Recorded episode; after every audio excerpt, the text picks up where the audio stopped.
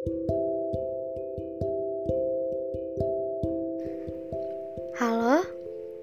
kamu lagi di rumah? Kok teleponku nggak diangkat-angkat sih? Um, coba deh lihat langit malam ini. Sumpah, bulan malam ini lagi cantik-cantiknya. Apa bulan dan bintang sedang menyaksikan kita? Iya, kita dua makhluk asing yang sedang berjalan searah. Katamu, aku mirip dengan bulan, indah, cantik, dan benderang. Kamu juga mirip dengan bintang, tahu? Karena kamu itu bersinar, tetapi sangat sulit kugapai. Jika aku bulan dan kamu bintang, maka kita adalah dua hal indah yang selalu bersama.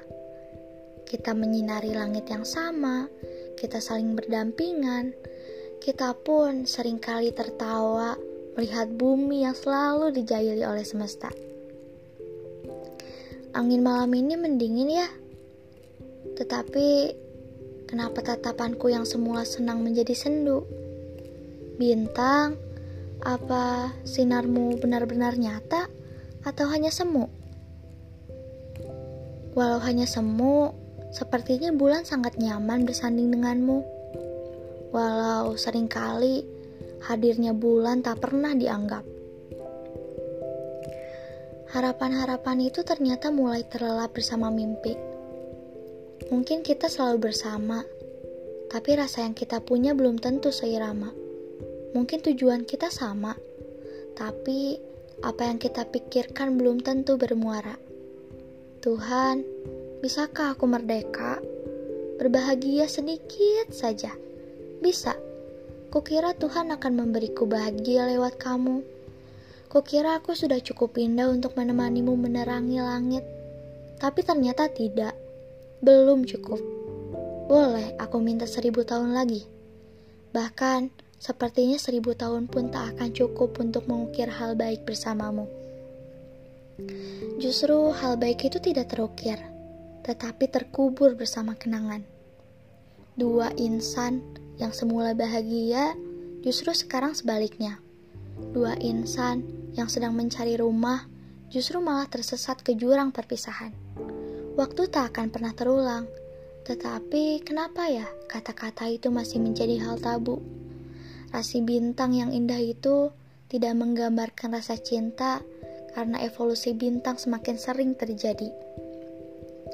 Hujan deras itu menutupi bintang dan bulan Aromanya tidak tercium, entah harum atau busuk. Hujan deras itu bukan perkara sakit atau patah, tetapi terluka parah. Langit malam itu berakhir melahirkan Arunika. Senandika itu semakin meracau. Kata-kata tak lagi menggambarkan rasa, sebab sekarang kata pasrah jadi akhir dari kecewa. Bulan terlalu senang, sampai-sampai bulan lupa Mentari hadir di kisahnya.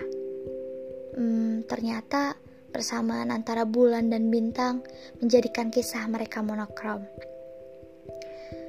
Kita sudahi saja ya, kata bintang tanpa dosa, tanpa basa-basi, tanpa kata maaf, tanpa rasa takut. Kalimat itu menakutkan, kecewa menyelimuti sang bulan kala itu. Ia terdiam, tidak bisa bicara. Bisu, ia tertusuk dihujam dengan keras oleh seutas realita. Temperatur yang awalnya hangat berubah menjadi dingin dan kaku. Langit biru berubah menjadi abu-abu.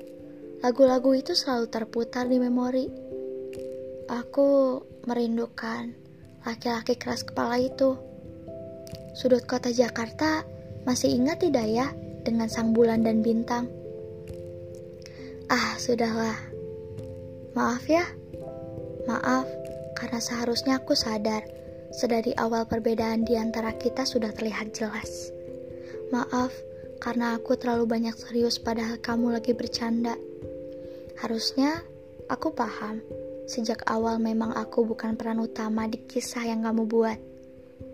Ternyata sulit ya, sulit menjadikan bulan dan bintang menjadi nyata. Rumit untuk menyatukan sesuatu yang memang sudah ditakdirkan berpisah. Tetapi selama kita masih menatap satu langit yang sama, tidak apa-apa kan? Memangnya akan jadi keliru ya jika aku tetap mencintaimu. thank you